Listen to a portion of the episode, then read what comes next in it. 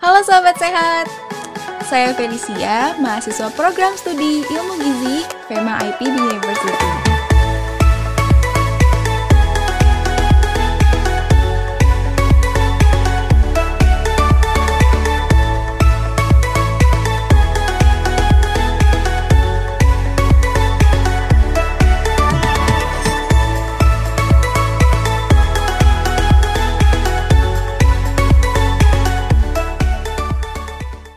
Dan selamat jumpa kembali di YouTube Lini Sehat, ngobrol tentang hidup sehat. Nah, sahabat sehat, kali ini kita akan ngobrol-ngobrol nih tentang plus minus vegan diet. Oleh narasumber kita hari ini yang sangat keren yaitu Profesor Dr. Hadinca MS, Guru Besar Ilmu Gizi FEMA IPB University, Ketua Umum Asosiasi Institusi Pendidikan Tinggi Gizi Indonesia, yang juga Ketua Umum Pergizi Pangan Indonesia. Oke, baik Prof. Bagaimana kabarnya hari ini, Prof? Baik, Vel. Feli gimana?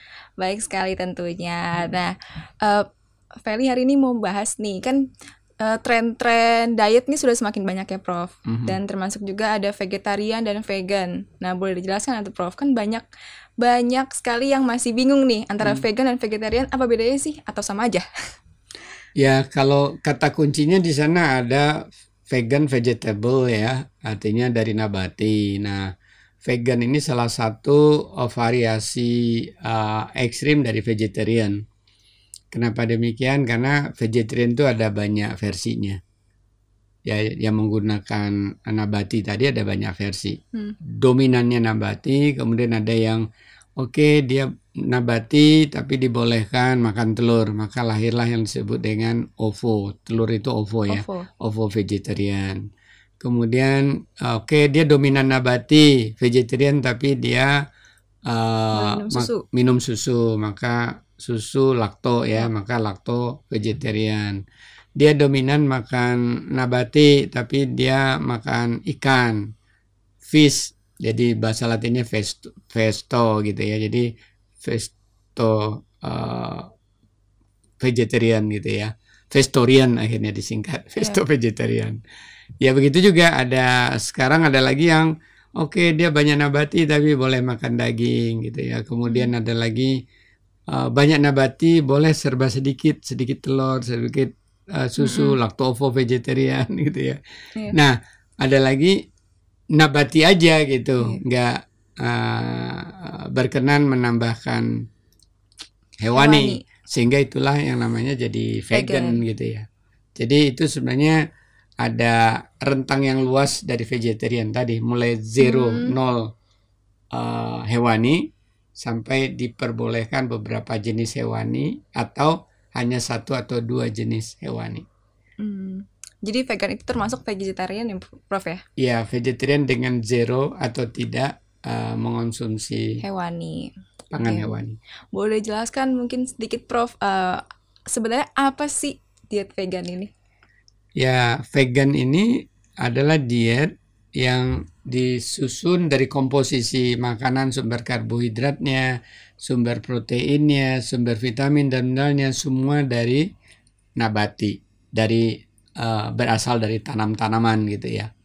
Baik itu dia serealia maupun tadi kacang-kacangan, buah-buahan, sayuran, sumber lemaknya juga minyaknya ya kan sekarang banyak ya hmm. uh, sumber lemak itu dari nabati minyak kedelai minyak jagung minyak sawit minyak kelapa bukan minyak onta gitu. terus apa lagi minyak zaitun itu kan semua nabati Oke baik Prof. Mungkin ada penelitian-penelitian terkait diet vegan gitu Prof? Ya uh, semakin hari semakin banyak sih ya uh, penelitian-penelitian tentang uh, diet vegan yang ada keunggulannya, plusnya, ada juga uh, potensi risiko atau kelemahannya atau minus nah, dari diet vegan ini. Nah, apa itu Prof? Plusnya tuh?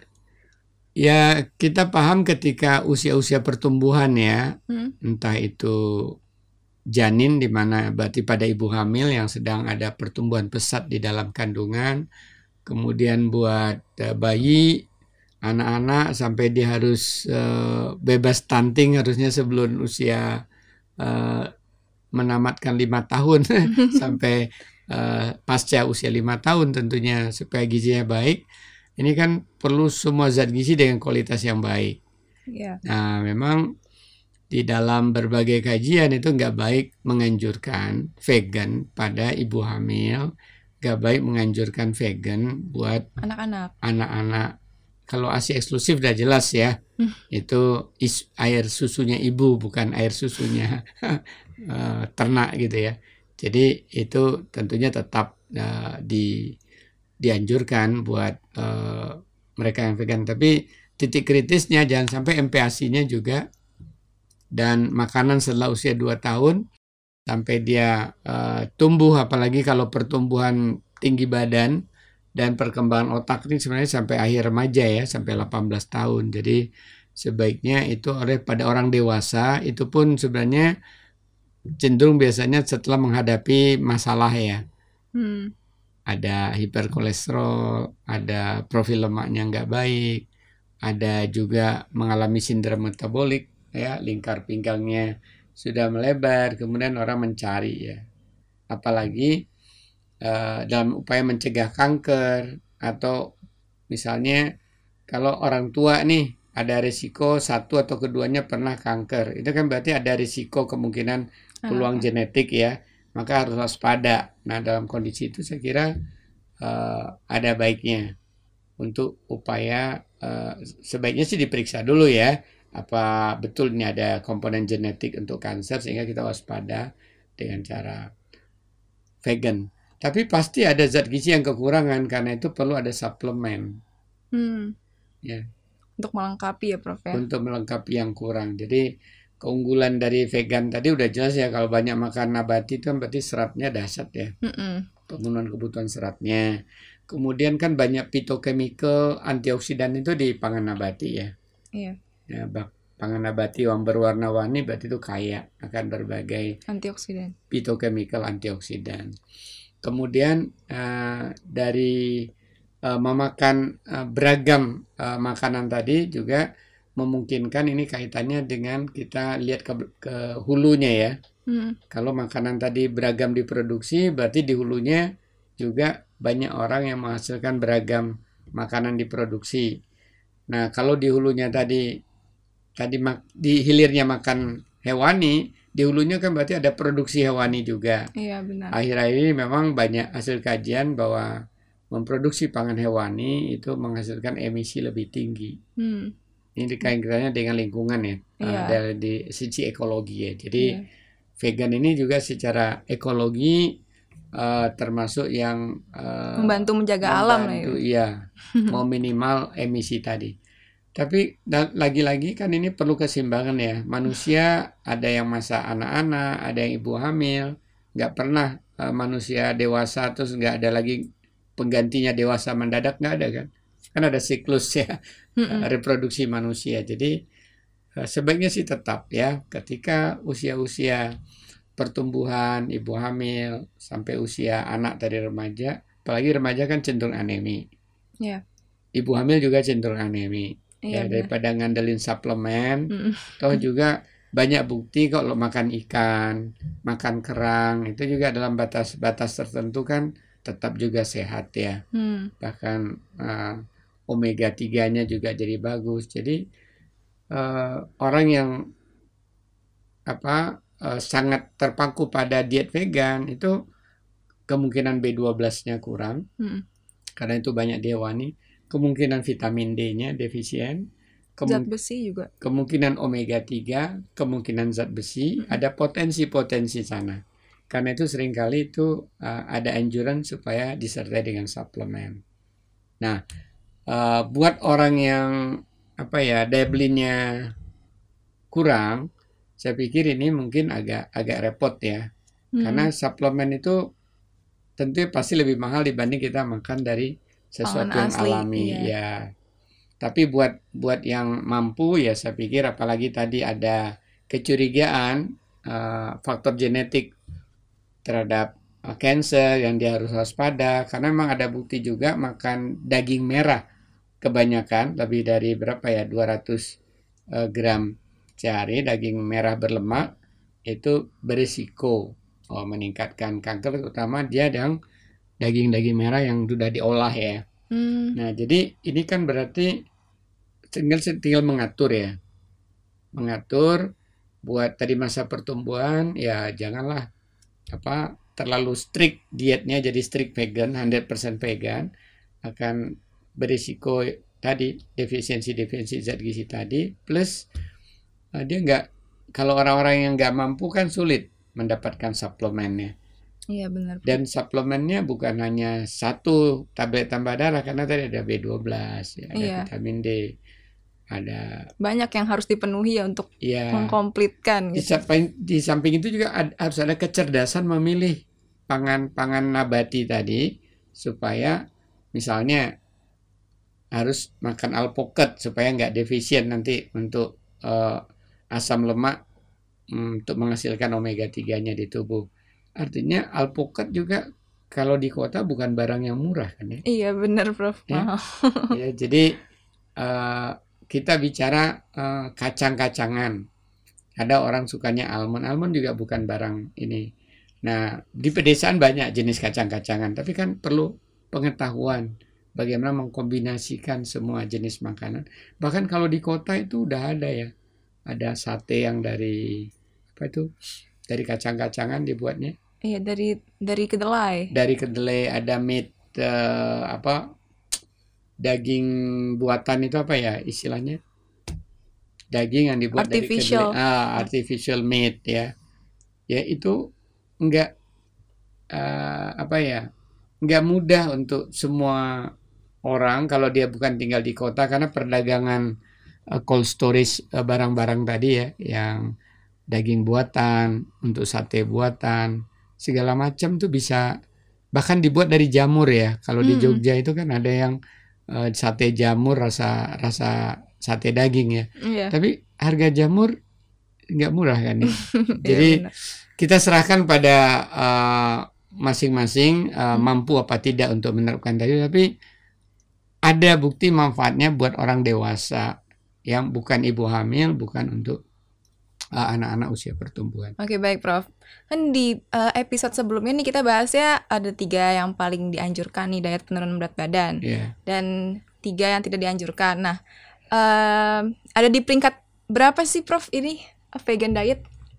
Ya di tengah-tengah ya dari 1 sampai 30 yang diperingkat oleh para pakar kesehatan Amerika ini pada peringkat 18 ya. Hmm, Ya, kenapa? Pertama kan kaitannya dengan eh, tadi ada potensi efek, ya, efek yang tidak baik dari sisi keamanan, ya, dibuat orang tertentu, apalagi tadi tidak bisa berdaya untuk mendapatkan eh, suplemen, maka ada potensi dia defisiensi zat-zat gizi yang saya sebutkan tadi.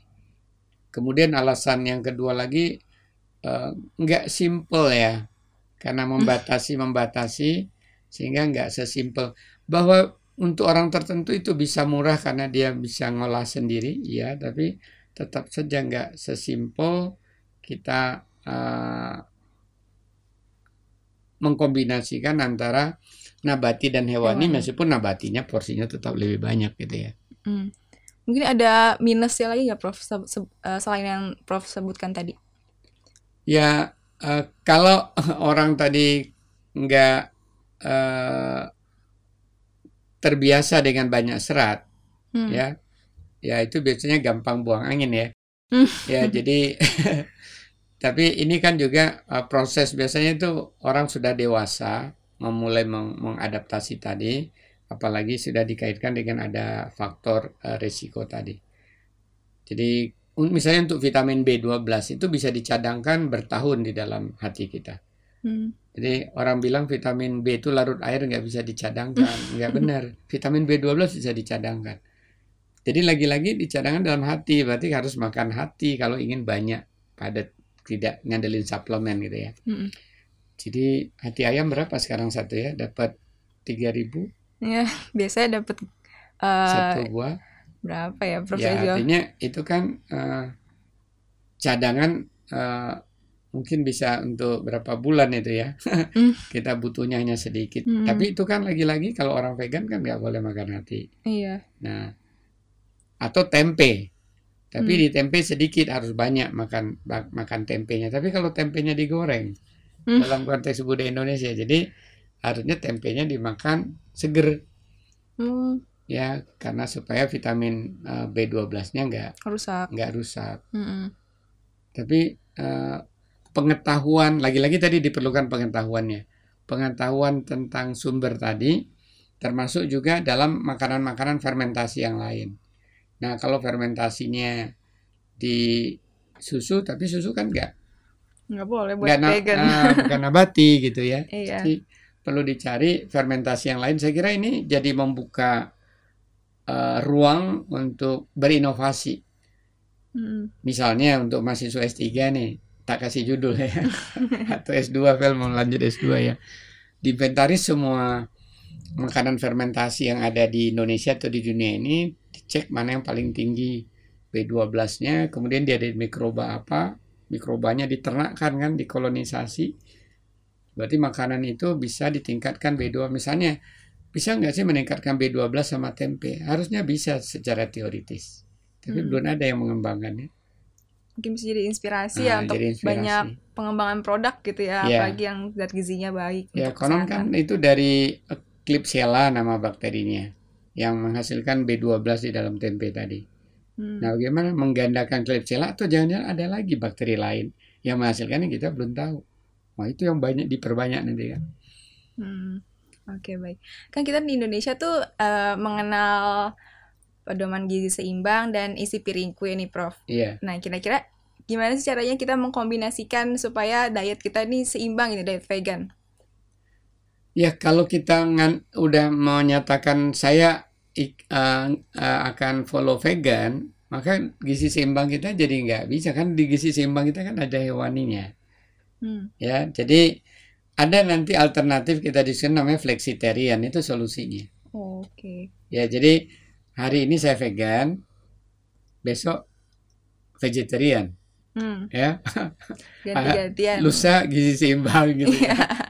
L- Dua tiga hari lagi Mediterranean gitu ya. Oke, baik. Jadi eh, saya pikir kemampuan kita beradaptasi dengan dengan eh, apa yang ada di lingkungan kita, tapi masih bisa membuat kita sehat. Mungkin itu hal menarik kita bicarakan nanti dalam topik flexitarian itu. Karena Oke. tidak bagaimana vegan ini eh, hanya bagian dari kehidupan, bukan 100% sepanjang hidup menjadi kita. gitu. gaya hidup gitu ya. Ya.